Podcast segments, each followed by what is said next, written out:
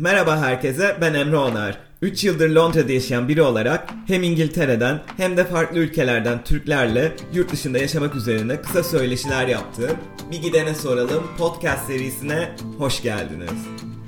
Yurt dışına taşınmanın ve yurt dışında yaşamanın çokça merak edildiği bu dönemde hep yurt dışına gitmeyi konuşuyoruz. Peki ya sonrası?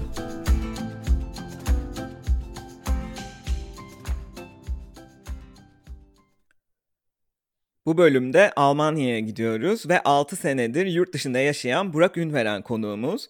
Burak benim liseden sınıf arkadaşım. 3 sene beraber okumuştuk. Hatta bunun son 2 senesi arkalı önlü sıra arkadaşı şeklindeydi. Şimdi yıllar sonra podcast'te tekrar buluştuk. Burak lise sonrası Yıldız Teknik'te siyaset bilimi ve uluslararası ilişkiler okuduktan sonra Boğaziçi'nde master planlarken yurt dışına taşınma kararı veriyor. Hatta Boğaziçi'nde yüksek lisans başvurusu yaptığı o dönem benim de üniversitede sanırım son dönemimdi. Ve sanırım en son o zaman yüz yüze görüşmüştük. Ee, sonra Burak bir anda Almanya'ya gitti. Leipzig ve Viyana üniversitelerinde Global Studies Master'ını yaptı. Şimdi ise Deutsche Welle'nin Türkçe servisinde çalışıyor. Burak ile iki ayrı bölüm kaydedeceğiz. Bu bölümde Erasmus Mundus programıyla yaptığı yüksek lisansını, Alman parlamentosundaki staj deneyimini ve Deutsche Welle'de çalışmayı konuşacağız. Merhaba Burak, hoş geldin öncelikle. Bize o yurt dışına gidiş kararın nasıl oluştu biraz anlatabilir misin? Ayrıca biraz kendinden de bahsedebilir misin? Deutsche Welle'de neler yapıyorsun? Merhaba Emre, çok teşekkürler nazik daveti ve güzel girizgahın için. Senin sesini duymak çok güzel. Senin de dediğin gibi kaç yani 7 yıldır falan görüşmedik ama aslında 16, 17, 17 yıllık arkadaşız. Yani hazırlıkta birlikte okuduk. 2 sene birbirimizden uzak kaldık. Sonra lisenin son iki senesinde birlikte okuduk. Ee, Emre önümde oturuyordu benim. Çok güzel zamanlardı. Yani çok teşekkür ederim davetin için öncelikle. Yani kendimden bahsedeyim kısaca. Sonra da bu bahsettiğim Boğaziçi kısmını anlatayım. İstanbulluyum. Ee, Avusturya Lisesi'nde 2003-2008 arası okudum. Daha sonra Yıldız Teknik Üniversitesi'nde siyaset bilim ve uluslararası ilişkiler okudum. Bu sırada şu anda da yaşadığım kent olan Bonn'da Erasmus yaptım bir dönemliğine. Daha sonra bir Boğaziçi kısmı geliyor. Intermezzo onu birazdan anlatacağım. Ama daha sonra yurt dışına geldim. Uluslararası bir master programı yapmak üzere Global Studies, küresel çalışmalar idi adı. Interdisipliner ve uluslararası bir programdı dediğim gibi. İlk yılımı Leipzig'te okudum Almanya'da. ikinci yılımı da Avusturya'da, Viyana'da okudum. Ee, aslında ikinci yılım değil, ikinci yılı sıkıştırılmış biçimde bir dönemde okudum. Eğer birazdan sorarsan master'ımı anlatırım seve seve. Çünkü son dönemde Alman Federal Alman Meclisi Bundestag'tan bir staj kabulü almıştım.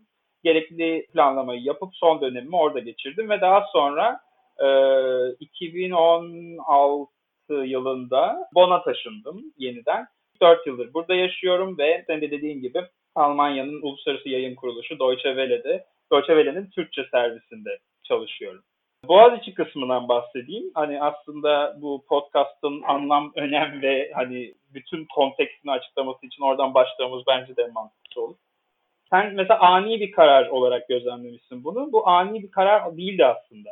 Yıllar önce verdiğim, çok uzun yıllar önce verdiğim, yani liseden sonra verdiğim, yani liseden sonra ben Türkiye'de kalmak istiyordum. Ama bu yani yıllar önce vermiştim bu kararı e, liseden sonra ama uygulama aşamasında zikzakları oldu. İşin özünde de şu anda yaşadığım ve şu anda altını çiziyorum bunun çok sevdiğim kent Bonn vardı. Ee, şöyle ki ben 2012 yani üniversiteyi bitirmeden bir sene önce buraya Erasmus'a geldiğimde hayatımın yani abartısız ve açıkça söyleyebilirim bunu en sıkıcı dönemlerinden birini yaşadım. Ee, çünkü ilk uzun dönemli, uzun vadeli yurt dışı deneyimimdi. Daha önce İsviçre'ye ve Avusturya'ya gitmiştim ama kısa ve gezi amaçlı gitmiştim. Bonn'a, ilk, Bonn benim ilk yurt dışı deneyimimdi. Geldim ve İstanbul'dan gelince bu mu dedim. Ve çok sıkıcı bir dönemdi. Ve burada ben hani belki biraz abartılı bir tabir, terminoloji olacak ama bir travma yaşadım aslında.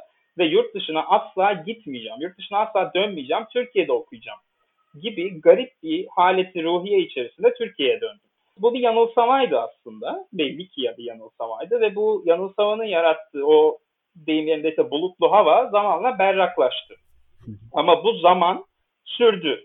Bir sene falan sürdü bu. Benim aslında yurt dışının Bonn'dan, Almanya'dan, bu spesifik zaman diliminden, bu spesifik şartlardan ve bu spesifik insanlardan fazla daha geniş bir şey olduğunu anlamam biraz zaman aldı. Üniversitede siyaset okurken bir de üstüne yani o kadar derinlik yetmezmiş gibi ağacın yaprakları gövdesi de değil köklerinin artık kılcal damarlarına kadar inip sosyal felsefe alanında tezimi yazmaya karar verdim ve bu alanda da uzmanlaşmaya karar verdim. Bu beni çok sıktı ve yordu. Zihnen yordu özellikle. Ve bunun üzerine şimdi Boğaziçi kısmına geliyorum. Eğer dinleyicileri kaybettiysem şu anda onları yeniden yakalıyorum. Soft bir şey okumaya ve Türkiye'de okumaya karar verdim. Ve bunların kesişim noktasında da o dönem yeni başlamıştı. Şimdi hala var mı bilmiyorum. Boğaziçi Üniversitesi'nin Sürdürülebilir Turizm Yönetimi diye bir master programını buldum. İçinde sürdürülebilirlik vardı. Hani bir nevi toplumsal, siyasi rol bilmem ne vardı. Turizm vardı. Yeni bir alandı. Yani yeni ve soft görmüştüm onu. Turizm uzmanları kusuruma bakmasın. Ve ben hani ona başvurdum. Hatta o dönemde ben yıllar önce bilgilerini almama, araştırmama rağmen IELTS, TOEFL veya TESTAF. TESTAF İngiliz yani Almanya'nın TOEFL'ı denebilir bilmeyenler için. O sınavların o sınavlara girmedim. Boğaziçi'nin İngilizce e, proficiency sınavına girdim. Yani o kadar kararlıydım yani. Ve bu, bu şekilde yapmam gerekeni ve istediğimi ertelemiş oldum aslında. E, ilginçtir. E, tam hani dediğim gibi bir sene sürdü o kara bulutlar. Ve Boğaziçi'ne başladığım ilk günde ben orayı bırakıp yurt dışına gitmeye karar verdim ve muhtemelen Boğaziçi Üniversitesi tarihinde okulu ilk gün bırakan tek kişi olarak e, o tarihe geçmiş oldum. Bu zor bir karar değildi. Kolay, son derece kolay bir karardı aslında ama zor bir yoldu. Arada bir fark var. E, sonuçta bir yıllık bir yatırım yapıyorsunuz. Boğaziçi'nde bir bölümden kabul almışsınız. Bunu e, elinizin tersiyle itiyorsunuz zor bir yatırımdı. Çünkü hani e, hangi bursa başvuracağım, genelde yurt dışına gitmek deyince hani çok kolay geliyor ama Hani finansal kaynaklarımı nasıl kullanacağım, hangi sınavlara gireceğim, Kuzey Amerika'ya mı gideceğim, Avrupa'ya mı gideceğim falan gibi soruların yanıtlarını çok hızlı verdim ve e, buraya gelmeye karar verdim. Avrupa'ya daha doğrusu. Sözün özü verdiğim en doğru kararlardan biriydi bu. Bayağı ani gelmişti bana uzaktan ama aslında pek ani değilmiş yani. Ben şeyi de bilmiyordum. Boğaziçi'ne kabul alıp başladığını ve ilk gününde bıraktığını da bilmiyordum. Ee, bayağı enteresan olmuş ama her işte bir hayır vardır lafı var ya. Yani şu anda hani bulunduğun noktayla geriye baktığında hani gerçekten iyi ki yurt dışına taşınma kararı vermişsin. Çünkü belki uzaktan en azından gözlemlediğim kadarıyla şu anda hani işinden de memnun duruyorsun. Hani oradaki hayatından da e, memnun gibi görünüyorsun en azından. Hani belki Türkiye'de kalsan hele son yıllardaki yaşananlarla belki aynı memnuniyet seviyesinde olmayacaktın diye düşünüyorum. Evet yani aslında bundan hani eğer hani Almanya'daki yaşamı sorduğunda bahsetmeyi düşünüyordum ama şimdi bahsedeyim. Mesela burada sonuçta gazetecilik mesleği icra eden bir siyaset bilimciyim ben ve Türk'üm. Hani bu çerçevede e, tanıştığım Almanların ya da hani Türkler Türkler dışında herkesin diyeyim yani burada yaşayan tanıştığım yabancılar çünkü kafalarında o kalıba sığıyor. Benim mesela Türkiye'yi siyasi nedenlerle terk ettiğim, yurt dışına geldiğim gibi bir düşünce içerisindeler. Ee, ve ben bunu düzeltiyorum çünkü ben Türkiye'den siyasi nedenlerle ayrılmadım. Ben Türkiye'den ayrıldığımda 2014'tü. Ya karar verdiğimde 2005, 2005 değil affedersin, 2009'du. Liseden bir sene sonra falandı. Ben Almanya politik değil, ekolojik, demografik nedenlerle geldim. Yani ben hani birazdan yine bahsederiz istiyorsan. Hani benim amacım şuydu. Ben abi bir yerde yaşamak istiyorum ve evimden yürüyerek bir parka gidebilmek istiyorum yaya. Bu parkta dolaşıp oradan evime yürüyerek yine dönebilmek istiyorum. Yani bana bu hayat kalitesini verebilecek bir yerde yaşamak istiyorum diyordum. Ee, yani hani arabanıza e, bisikleti yükleyip bagaja da, dağa bayıra gidip orada bisiklet sürüp sonra arabaya binip geri gelmek değil. İstanbul'dan bahsediyorum elbette. Hani bu değil daha ufak, daha sevimli, daha yeşil bir yerde yaşamak istiyordum. Hani bu nedenle geldim ben. Ama e, tekrar başına döneyim. E, evet son derece memnunum. Yani şikayet edecek şeyler bulunur. Eminim gelecek saatte de bunlardan konuşacağız. Ama ben halimden son derece memnunum. Almanya'da yaşamın artısıyla eksisiyle analizine geleceğiz aslında. Baya merak ediyorum. Çünkü Bu zamana kadar aslında çok fazla konuğum oldu ama Almanya'dan dediğim gibi ilk konuğum sensin. Ve Almanya'da hani belli bir hani Türklere karşı ön yargıdan söz ediliyor. Hani bunun hayatında olumsuz etkisi var mı? Çünkü Almanya'da yaşamın birçok olumlu getirisi de vardır eminim hayatına. Bunları merak ediyorum. Konuşacağız da. Ama önce birazcık hani seni tanımayanlar için seni tanımalarını da istiyorum. Hani iş yaşamını da konuşalım. Ama ondan önce e, master programını aslında anlatabilir misin? Merak ettim çünkü hem Viyana'da hem Leipzig'de okuduğunu söylüyorsun. Nasıl bir programdı? Tabii seve seve bahsedeyim e, master programımdan. Bir Erasmus Mundus programı yaptım ben. Erasmus Mundus programı e, aslında kulağa Erasmus değişim programı gelse, gibi gelse de daha farklı bir şey. Ortak noktaları elbette Avrupa Komisyonu tarafından finanse ediliyor olmaları. Erasmus Mundus Master programları ve zannediyorum doktora programları da var. Interdisipliner programlardan oluşan bir bütün ve bu programlar kapsamında en az iki Avrupa ülkesinde okuyorsunuz. Hatta Avrupa dışında e, Afrika, Amerika, Asya gibi bazı anlaşmalı üniversitelerde de okuma fırsatınız oluyor. E, ben e, Global Studies, küresel çalışmalar 2.1 Avrupa Perspektifi adında bir program okudum. E, o zaman 5'ti şimdi 6 oldu. 6 üniversite var. E, bunlar arasında benim okuduğum e, Avusturya, Almanya'yı zaten konuşacağız. Polonya, Wrocław, Danimarka, Roskilde, e, e, Belçika Gent Üniversitesi yeni eklendi ve Londra'dan LSE, London School of Economics and Political Science da var. Bunlardan ikisinde okuyorsunuz. Dediğim gibi interdisipliner bir program. Ee, yani hani küresel çalışmalar nihayetinde. Yani baktığınız zaman her şey küresel midir? Evet, yani bunu bile savunabilirsiniz.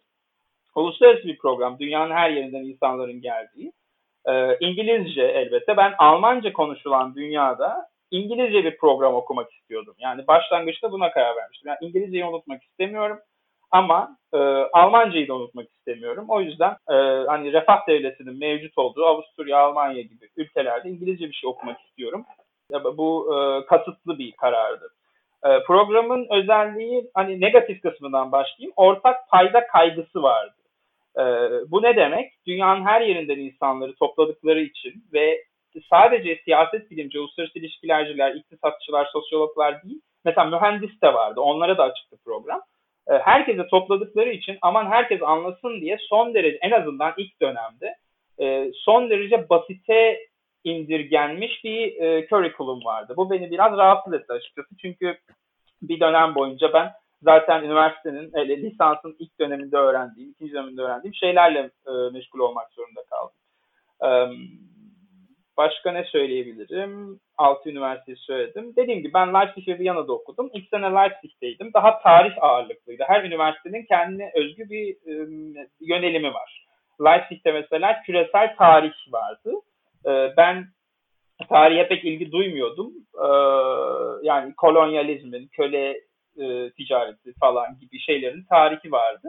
Ama tabii çok güzel şeyler öğrendim. Viyana'da daha özgürdüm istediğiniz dersi seçebiliyorsunuz. Çünkü Leipzig'te daha böyle net bir curriculum var. Bunu okumak istiyorsunuz. Mesela zorunlu seçmeli. Türk üniversitelerinde de vardır o. Zorunlu seçmeli vardı. Allah razı olsun yani.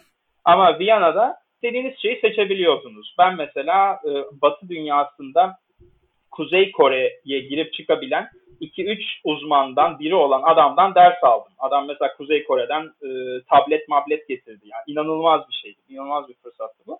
Master programı konusunda söyleyebileceğim şeyler böyle. Akademikten pratiğe doğru bir eğilime eğilim geliştirdiğimi fark ettim ben bu master'ı yaparken.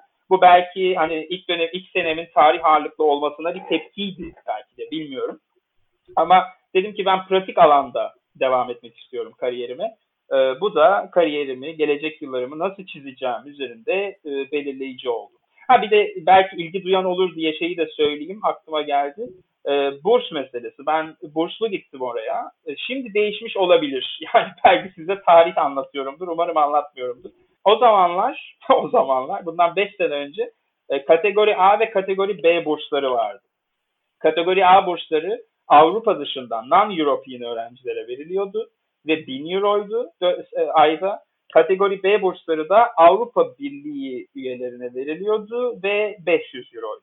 Tam benim başvurduğum sene ben aslında Viyana ve LSE'de okuyacaktım. İlk sene Viyana, ikinci sene LSE'di. E, Türkiye'yi Avrupa Komisyonu'nda oturan arkadaşlar e, neydi program country mi neydi ya Türkiye'yi AB adayı olduğu için B'den özür dilerim A'dan B'ye aldılar. Dolayısıyla ben 1000 euro alacakken durduk yerde 500 euroya düştü. E, o yüzden bana o zamanki program koordinatörleri de dedi ki sen Londra'da 500 euro ile yaşayamazsın. E, ben de dedim evet. E, Leipzig ve Viyana ister misin? Ben de dedim tamam. Viyana'da tabii üstüne 500 euronun biraz para koymam gerekti ama Leipzig'te Doğu Almanya e, görece ucuz bir yer. E, hayatta kalmak e, mümkün oldu. Şanssızlık olmuş ya inanılmaz. Tam o sene değişmiş olması. Neyse ne denir her işte bir hayır vardır denir ya yine buna bağlamış oldum ama şeyi soracağım. Sonrasında mesela Alman parlamentosunda bir staj yaptım Bundestag'da. Bu mesela sen o anda Leipzig'de olduğun için geçmiş bir fırsat mıydı yoksa bu programın sağladığı bağlantılarla oluşan bir staj programı mıydı? Ay, evet, parlamentoda staj yaptım. Yani ben onun başvurusunu görmemiştim. Bir Alman arkadaşım gönderdi bana onu. Şansım yaver gitti, şu şekilde yaver gitti. Zamanlama çok önemli. Çünkü programı kafanıza göre yapamıyorsunuz. Ee, şimdi birazdan ayrıntılarından bahsedeceğim. Ee, benim tam master'ımın son dönemine denk geliyordum. Mart-Temmuz arası 5 aylık program. Ee, ve dedim ben buna başvurayım. Aslında ben master'ımı yaparken hep şey düşünüyordum. Çünkü ikinci senemde Viyana'da olacağı için e, Birleşmiş Milletler'in Avrupa'daki merkezlerinden biri aslında Viyana, Cenevre'den sonra. E, orada staj yaparım ve bu alan yani uluslararası örgütler alanında e, kariyer e, yapmayı düşünüyordum. Ondan sonra böyle bir baş ya fırsat çıktı demek istemiyorum ya kimse bana ne olur şuna başvur demedi. Sadece bir arkadaşım görmüştü. Ne dersin sana uygun bir şey dedi. Ee, ben de başvurdum ve oldu. Yani dolayısıyla ben yani yolumu değiştirmedim ama şeridimi değiştirdim demem herhalde en doğru e, tafsir olur. Hani uluslararası örgüt değil yani aynı aynı yolda kaldım ama aynı şey yapmak istediğim şeyi uluslararası e, pazarda değil Alman pazarında yapmaya başladım. E, programdan bahsedeyim. E, direkt sonuca girdim. Biraz e, giriş ve e, gelişme yapalım. Sadece bir staj değildi bu. Uluslararası Parlamento Bursu. Internationales Parlament Stipendium. IPS e, diye bir programdı.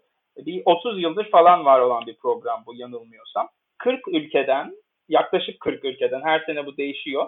Yaklaşık 100, 120, 130, 120 kişi, 118 kişiydik galiba e, yüzü aşkın kişi bir araya geliyor. Türkiye'den bizim senemizde 5 kişiydik.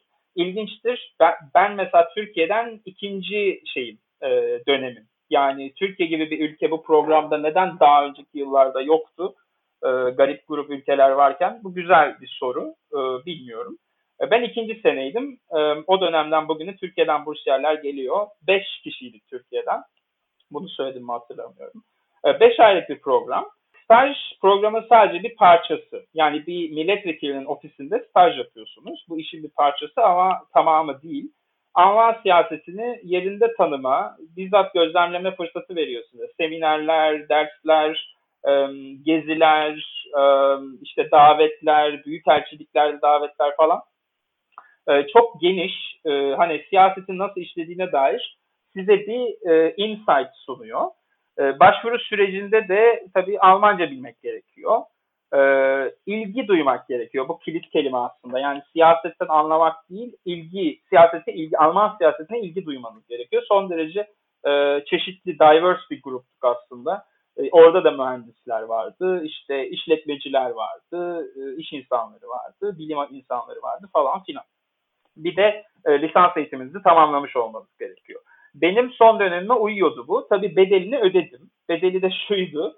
E, kabulü aldığımda daha Viyana'daki dönemim başlamamıştı bile. E, ve Viyana'ya hani dört gözle bekle, bekleyen bir insan olarak e, hani öncelikle kendime kabul ettirmem gerekti. Ben hani Berlin'e gitmek istiyor muyum, bu programı yapmak istiyor muyum diye. Yanıt aslında kolay olduğunu yalan söyleyeyim. Evet bir yanıt. E, ama bunu organizasyonel olarak hani şey olarak e, hani planlamam gerek insanları ikna etmem gerekti. Yani çünkü gidiyorsunuz merhaba evet ben burada okuyacağım evet ama 5 ay sonra gideceğim olur mu diyemeyeceğim için bayağı bir e, yani e, nasıl diyeyim e, müzakere ettim aslında. Ve sonuçta şöyle bir anlaşmaya vardık e, bölüm başkanı ve ko- program koordinatörüyle. E, eğer sen bir senede okuyacağın şeyi bir dönemde başarırsan e, gidebilirsin dediler. Ben de dedim ki e, challenge accepted. Ve e, ben tezime kadar her şeyi bir dönemde, yani 60 ESTS'i bir dönemde bitirmeyi başardım. E, yani tezimi teslim etmedim tabii ama ana gövdesini yazdım. Ve Bundestag'a gittim. Yani ben zaten o dönemde siyasi danışmanlık, iletişim alanında falan kalmayı, o dönem o alanda çalışmayı düşünüyordum. Dolayısıyla hani dünyanın en büyük dördüncü ekonomisinin siyasi karar vericileri ve yasa yapıcılarıyla bizzat bir arada olmak e, çok güzel bir duyguydu. Bir kere İPSçi olarak stajyerler hiyerarşisinin Berlin'deki en tepesindesiniz. İPS her kapıyı açıyordu. Yani mesela bana o zaman e, şey e, büro yöneticisi şey demişti. Telefon açtığın zaman birine ben gelebilir miyim diye şu davete. Stajyerim deme İPSçiyim de diyor. İPS bursiyeriyim de diyordu.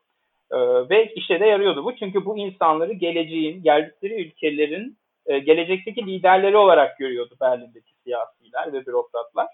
E, yani bugün bile e, lüks gelen e, bazı şeyler yaşadım. Mesela kısaca anlatayım. Sonuçta stajyersiniz. Yani, yani 3 ben şeyi söylemedim. 5 ayın ilk ayı eğitimler bilmem neler.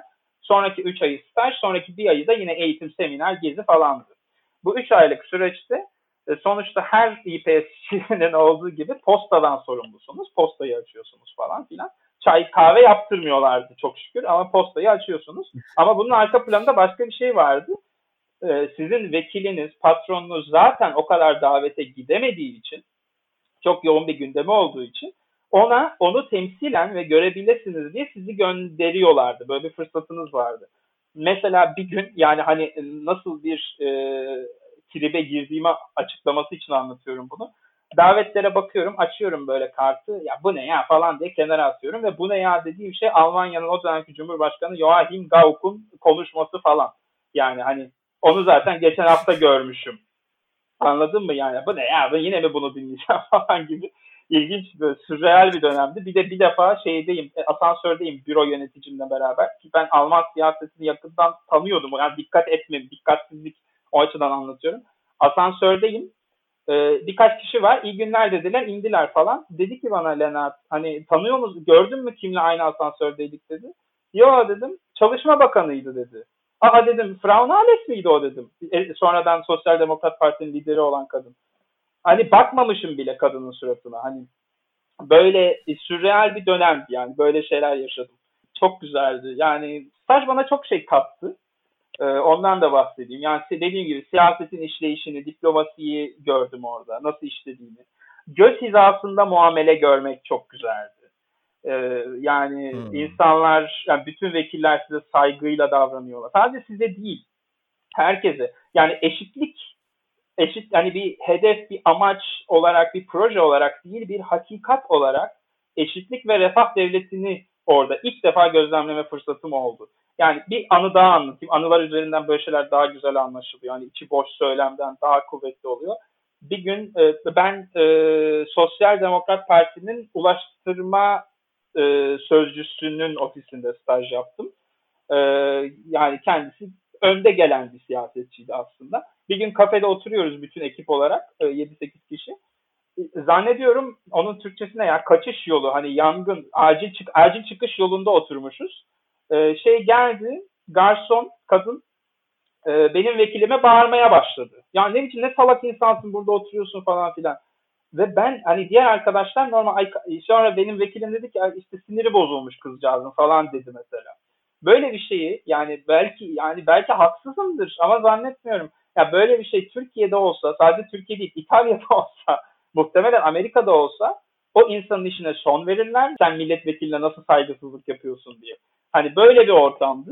E, böyle şeyleri görmek benim için e, çok güzel. Aslında bir, nevi, bir, e, bir de anahtar kelimelerden biri de tevazu aslında. Yani Alman vekillerin bayağı yani Alman milletvekillerinin milletin vekilleri olduğunun farkında olmaları ve bunu bilmeleri, unutmamaları.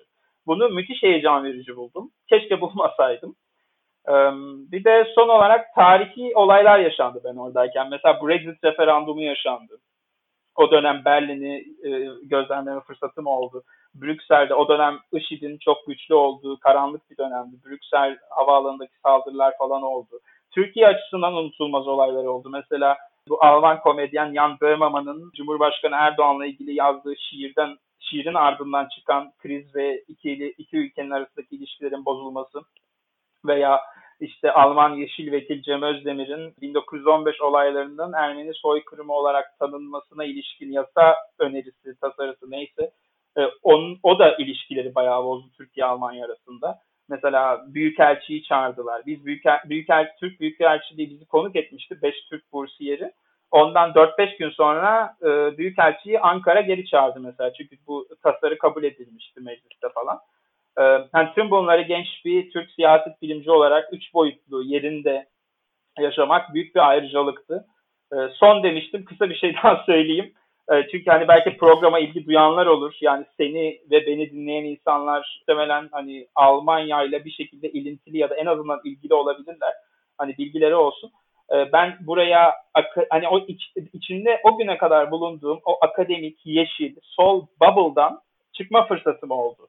Ve dünyanın muhafazakar olduğunu gördüm. Bu benim için bir şok etkisi yarattı. Yani kendi ülkelerinden gelen hmm. şöyle Hani ben mesela benim ben burada zaten master yapıyordum ve bir dönemimi orada geçirdim. Ama gelen insanların, programa katılan insanların abartmayayım %80'i 90'ı zaten kendi ülkelerinde bir şekilde çalışan, siyaseten, toplumsal olarak aktif olan insanlardı.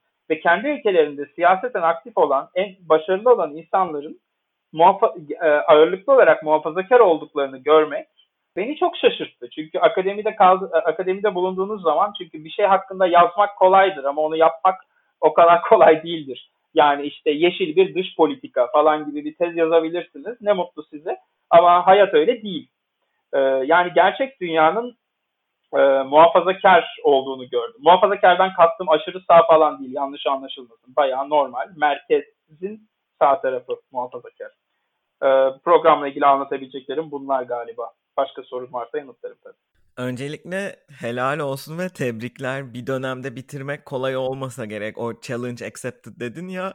Onu bayağı e, ciddi bir challenge almışsın. Ama çok güzel sonuçları olmuş. Yani Almanya parlamentosuna özellikle o kadar aktif bir dönemde girmek, bunları birinci elden gözlemlemek gerçekten eşsiz bir deneyim e, olmalı. Şeyi de söyledin o çok enteresan geldi bana.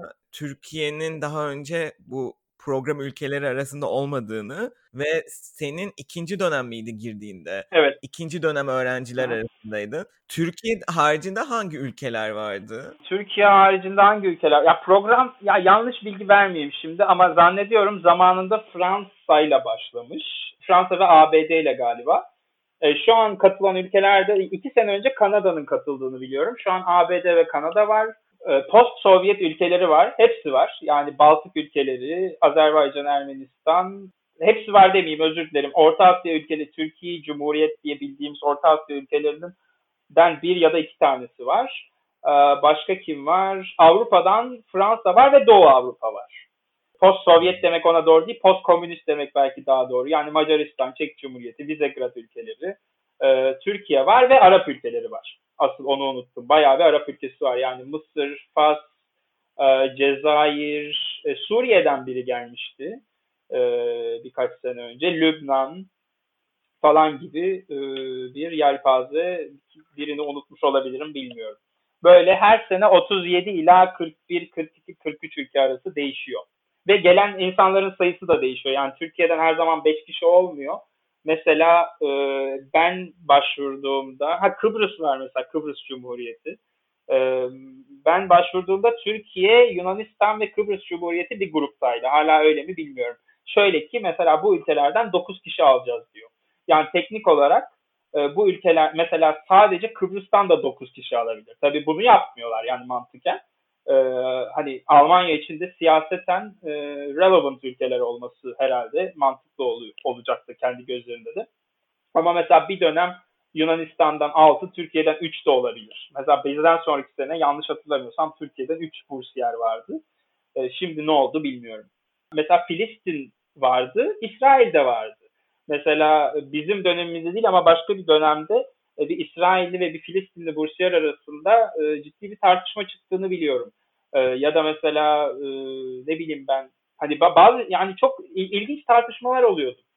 Yani E, mesela bizim dönemde biz ben mesela ya biz diyeyim kendime kendi üstüme almayayım Ermenistan'dan gelen bursiyerlerle çok iyi anlaştık. Yani bu tabii hayata bakışla alakalı yani hani kendimi e, e, tabii o kalıba koymak istemiyorum yani elbette hangi ülkeden gelirse gelsin. Hele ki ya özellikle Ermenistan'dan gelmesi benim için daha ilginç. Çünkü hani e, ben hani Türkiye'den bizim lisede de vardı. Bir sürü Ermeni arkadaşımız var Türkiye'li ama ben mesela Ermenistanlı Ermenilerin Türkiye'ye bakışını, dünyaya bakışını bu program sayesinde görme fırsatına kavuştum. Ya da mesela Azerbaycanlılar ve Ermenistanlılar ilk defa aynı masada oturdular belki hayatları boyunca. Yani normal şartlarda olmayacak şeyleri mümkün kılan bir programdı. Almanya'nın böyle bir program yapmasının nedeni nedir peki? Ya bu um, beyond me. Yani bu hani bunu uh, açıklamak bana düşmez. Uh, ama tabii uh, bir nevi yani bunu soft power, yumuşak güç aracı olarak görenler var. Bir uh, public diplomacy uh, ona paralel, hani kamu diplomasi çalışması olarak görenler var.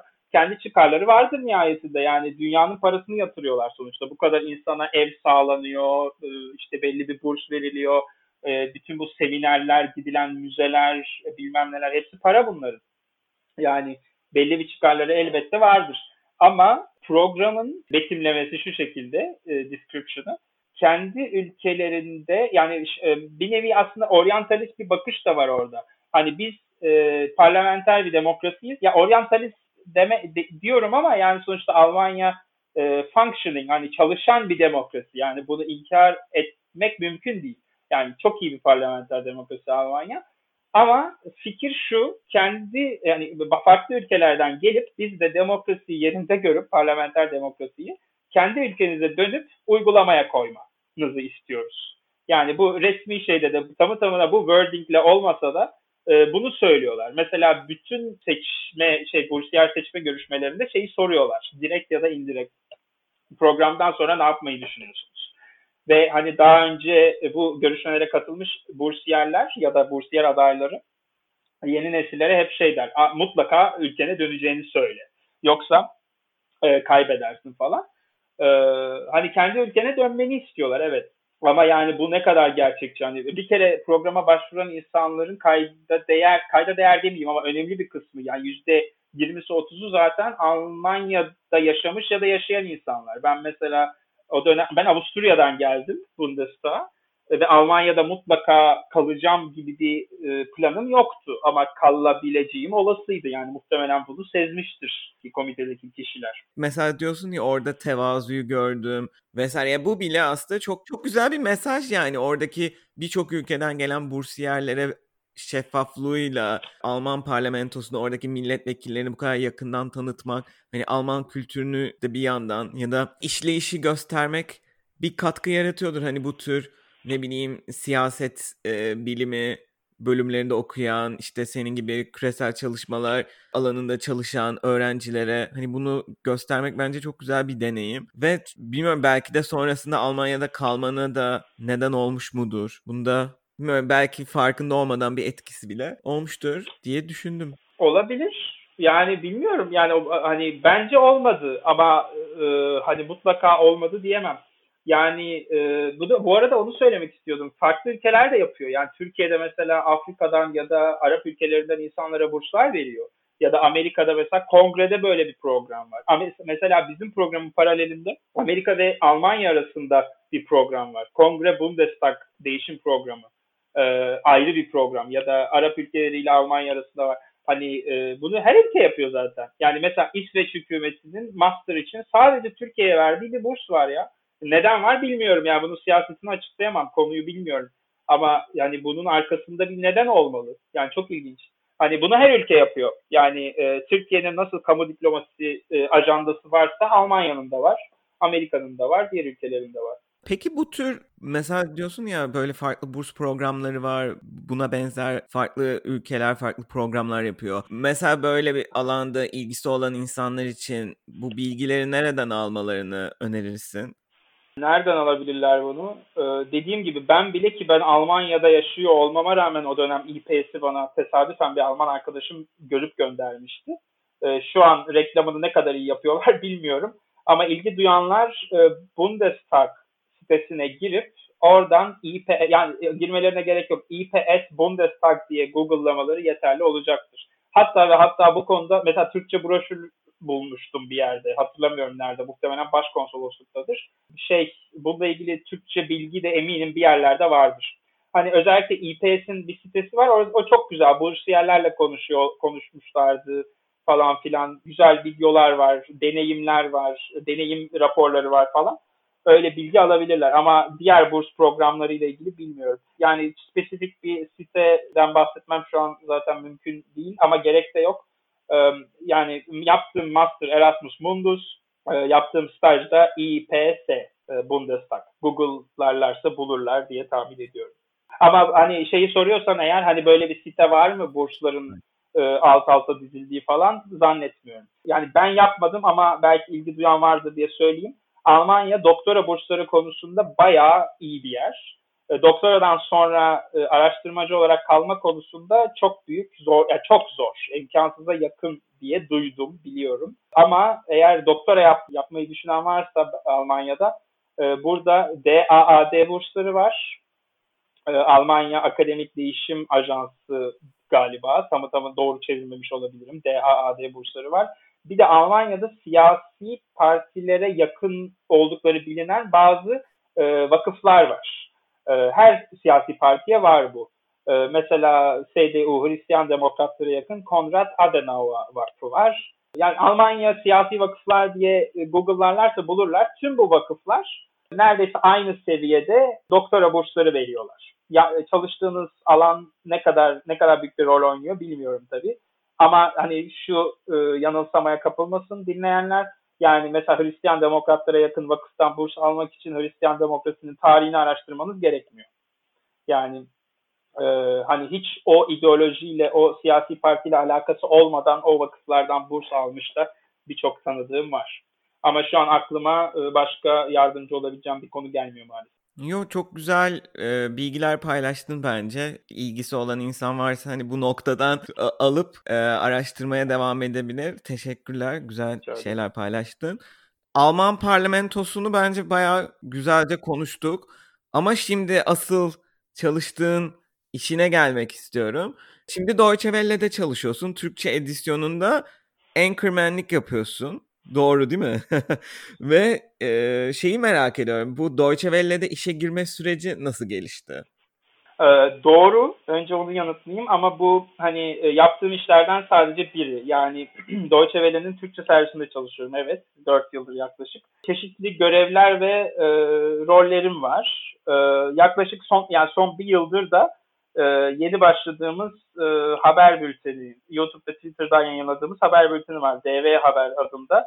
Orada editör ve sunucu olarak çalışıyorum. Çok sevdiğim ve saygı duyduğum üç deneyimli iş arkadaşımla birlikte onların yanında dördüncü moderatör benim. Farklı işler yapıyorum. Yani yazıyorum, araştırıyorum. Bunun bir parçası tabii adaptasyon ve çeviri de var. Sosyal medya editörlüğü yapıyorum ve son dönemde azalmakla birlikte video editörlüğü de yapıyorum. Bizim servisimiz online. Yıllar önce radyo da varmış. Ben geldiğimde ama kısa süre önce kapanmıştı. Yani demek ki 5 sene önce falan bitmiş. Ee, şimdi online yapıyoruz her şeyi. Nasıl gelişti ondan bahsedeyim. Ben az önce de görece bahsettiğim gibi kısaca e, iletişim ve siyasetin kesişim noktasında bir kariyer düşünüyordum. O dönemde siyasi iletişim ve danışmanlık ajanslarına başvurdum. Burada Almanya'da öyle bir e, alan var. Yani Türkiye'de belki yeni yeni oluşuyordur ama Amerika'da da olan, İngiltere'yi bilmiyorum.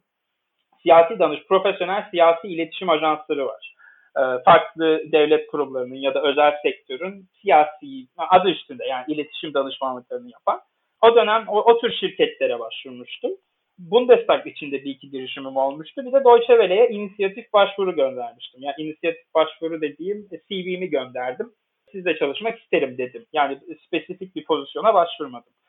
Ee, ilk dönemde ben o dönemde çevirmen olarak başvurmuştum. Çevremden bir kişi bana demişti ki Deutsche Welle'de işte çevirmen olarak çalışabilirsin. Bu süre yani ben de şöyle düşünmüştüm. Yani bir başvurayım. Ee, gazetecilik başka ilk etapta düşünmüyordum. Ee, o sırada da işte Berlin'de muhtemelen çalışıyor olurum ve siyasi alanda iş aramayı sürdürürüm gibi bir düşüncem vardı. Öylesine başvurmuştum. Ee, oradan okey yani o zaman Türk Türkçe departmanının o dönemki şefiyle görüşmem oldu. Kendisi için bir şey çevirdim, yazdım, bir şeyler yaptım tam hatırlamıyorum. O da bana gazetecilik düşünür müsün sorusunu yöneltti. Ee, ben de pekala dedim. Stajla başladım. Sonra o staj işe dönüştü. Sevdiğim bir işe dönüştü. O dönemde yani Bundestag stajım sürerken kafamdaki şeylerden biri de Türkiye'ye dönmekti. Dediğim gibi Almanya'da kalma gibi planım kesin olarak yoktu. Ee, o dönem işte e, Türkiye Büyük Millet Meclisi'nden TBMM vekilleriyle bazı görüşmelerim olmuştu birkaçıyla.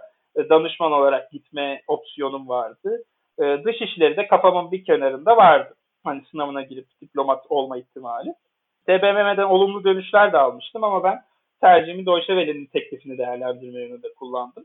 Ee, öte yandan Almanya'da başka işler de bulmuştum bu bahsettiğim iletişim ajansları firmalarından.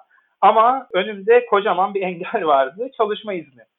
Ee, çalışma iznim yoktu. Vizem bir öğrenci vizesiyle gelmiştim. O vize bitiyordu ve o dönem işverenler bana dedi ki tamam sen iyisin güzelsin ama çalışma iznin yoksa seni alamayız. Çünkü Almanya'da şöyle bir yasa var. Eğer son dönemde değişmediyse bir işveren işe almak istediği kişinin yerine daha iyi ya da en az onun kadar iyi bir Almanya'da Avrupa Birliği vatandaşı koyamayacağını kanıtlamak durumunda. Bunu kanıtlayamazsa cezası var, bir şeyi var, vergisi var, bir şeyi var. Dolayısıyla işverenleri caydırma mekanizması bir yerde ve işe yarayan da bir mekanizma bu. Çalışma izni problemini çözemediğim için. Mesela İngiltere'de şey var yanlış hatırlamıyorsam. Yanlışsam sen beni düzelt. Master'ı bitirdiğinde sana iki yıllık çalışma izni veriyorlar gibi bir şey okumuştum yıllar önce. Şimdi değişti mi bilmiyorum Boris'le birlikte. Bu değişmişti. Bunu kaldırdılar. Ee, sanırım 2000 8 civarı ya da 2010 falan da olabilir bilmiyorum ama bir süre sonra kalkmış o. Hı hı. Şimdi 2021'den itibaren yeniden yürürlüğe koyacaklar. Yani yüksek lisans yapan İngiltere'de 2 sene çalışma hakkına sahip olacak. Onun hı. dışında İngiltere'de de aynı kural var. Yani sanırım bütün Avrupa Birliği ülkelerinde e, öncelikli kural ya o bulunduğun ülkenin vatandaşı sonrasında Avrupa Birliği vatandaşlarına öncelik vermesi gerekiyor şirketlerin. Diğer ülkeler için hani bizim gibi Türk vatandaşları için o şirketin Aa bu Burak'tan başkasını, Emre'den başkasını bulamadım diye bir şekilde kanıtlayıp sonrasında işe alım yapması gerekiyor. Bu da aslında bayağı zorlayan kısımlardan biri. Ama ben buna rağmen ya bu kadar e, challenge'a, bu kadar zorluğa rağmen yurt dışında bu kadar çok çalışan Türk olmasını da hayretle karşılıyorum bazen. Yani gerçekten e, şeyi de gösteriyor nasıl bir dedikasyonla iş başvuruları yapıyoruz.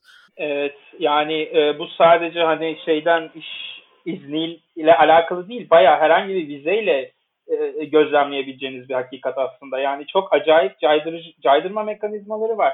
Yani sen burada kalma, sen geri dön falan. Hani insana illallah getirsen çok ilginç uygulamalar, sürreal uygulamalar var. Bu eminim Almanya'ya özgü bir şey değildir. Hani ben mesela Türkiye'de yaşayan yabancı arkadaşlarımdan da benzer şeyler duydum. Yani Türkiye'de ikamet izni almak mesela kolay bir şey değilmiş mesela falan. Zannediyorum her ülkede olan bir şey. Evet yani sorunu yanıtlamış oldum herhalde ee, ama Deutsche Welle'de, Deutsche Welle'nin işe aldığı insanlar en azından Deutsche Welle 30 dilde yayın yapıyor. Ee, bu 30 dilde yayın yapan insanların tabii ki uzmanları spesifik ülkelerden gelmek durumunda. Hani belki de bu yüz, belki de değil basbayağı bu yüzden e, bizde bir özel statü durumu var ve hani işveren kanıtlamak zorunda kalmıyor zaten.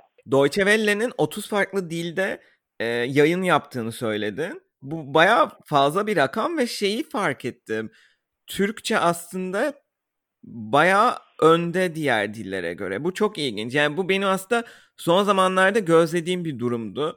Yani BBC Türkçe, Deutsche Welle Türkçe, işte Sputnik Türkçe, işte Voice of America Türkçe gibi birçok yurt dışı kaynaklı yayının Türkçe edisyonlarını insanlar Türkiye'den takip edip ha oralardan haber almaya başladı. Yani bu aslında ilginç bir dönüşüm. Ee, yani biraz son yıllardaki Türk medyasındaki değişimden kaynaklanan bir sonuç aslında.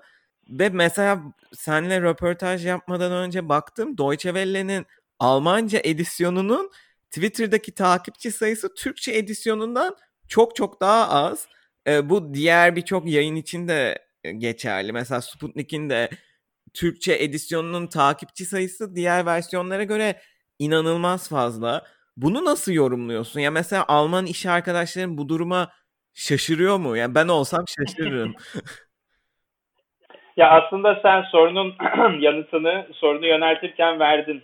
Yani Türkiye'de ana akım medyanın hatta genel itibariyle medyanın yani eşsiz, köklü, eşi benzeri görülmemiş bir dönüşüm yaşadığı yadırganabilecek bir durum değil. Hangi siyasi, toplumsal e, tabakaya, yönelime sahip olursanız olun.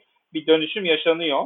E, bu aslında hem dijital, e, sadece siyasi bir dönüşüm değil. Pek çok insan belki böyle düşünüyor ama bence bu aynı zamanda dijital de bir dönüşüm. Ve bu dönüşüm bir boşluk doğuruyor. Ve bu boşluğu, oluşan bu vakumu e, kısmen yabancı basın kuruluşları dolduruyor. Bu benim şahsi gözlemim tabii. Ee, ama mesela Türkiye'de de kısmen dedim. Çünkü Türkiye'de de mesela Duvar, Diken, Medyaskop, e, neydi 140 Jornos gibi e, son derece e, ilginç işler yapan, dijital işler yapan, hani Duvar, Diken video şeyleri, servisleri var mı bilmiyorum ama e, yepyeni platformlar var. Yani basının yerini bunlar da dolduruyor aslında. Dolayısıyla bence bu yurt dışına özgü bir süreç değil. Ama dediğim gibi bir e, toplumsal, siyasi, kültürel, dijital bir dönüşüm söz konusu ve bu evreyle birlikte Deutsche Welle de bir dönüşüm yaşıyor ve DV de bu sü- sürece uyum sağlıyor. Yani e, Almanya ve Avrupa'yı ana dili Türkçe olan okuyucuya, izleyiciye anlatmaya, anlatma işini bir de onlara Türkiye'yi anlatmak eklendi. Kesinlikle öyle. Son yıllarda arta, artan biçimde. Çünkü onlara yani Türk ana dili Türkçe olan kişilere Türkiye'yi anlatanların sayısı kayda değer biçimde azaldı. Yani bu inkar edecek bir tarafı yok bunun. Ee, senin övgüne geliyorum. Ee, evet doğru. Ee, bizim takipçi sayımız House içinde yani DV'nin bütün servisleri, programları içinde en yüksek olanlardan biri. Hatta en yüksek bile olabilir emin değilim. Ee, yanlış bir şey söylemeyeyim şimdi bizim servisin kendim parçasıyım diye söylemiyorum. Parmakla gösterildiği doğru. Yani House içinde çünkü çok iyi rakamlarımız var. E, izleyici, takipçi sayımız sürekli artıyor. Yeni proje, bir sürü projemiz oldu. Yeni projeleri büyük bir enerjiyle hayata geçiriyoruz. Ve kullanıcı sayımız astronomik biçimde arttı. Mesela e, ben e, stajımın sonunda ilk defa sosyal medya editörlüğü yapmıştım. 2010, işte 3 sene önce falan. E, o, o dönem mesela 72 bin mi 80 bin mi ne takipçisi vardı DV Türkçe'nin Twitter hesabının. Şu anda bir hatam yoksa e, 500 binden fazla. Sen baktım dedim kaçtı en son? Ee, ya şu an ezbere hatırlamıyorum ama Neyse ben de hatırlamıyorum. Yani e, 300 yani, binin üzerindeydi en azından. Dur hemen bakayım hatta. Şu an bakıyorum 625 bin. Bayağı yüksek bir rakam. 625 bin. Ee, evet yani astro dediğim gibi bir astronomik yükseliş söz konusu. Ee, ama bu anlaşılabilir bir durum farklı nedenlerle. Mesela BBC'de gezi döneminde patlamıştı. Ha, yanlış hatırlamıyorsam. Sputnik de çok fazla büyüdü. Yani bu dediğim gibi dijital, siyasi, toplumsal bir kültürel bir dönüşüm var ama aynı zamanda e, bir de insanların önünde daha fazla seçenek var artık. Yani sosyal medya gibi bir şey var.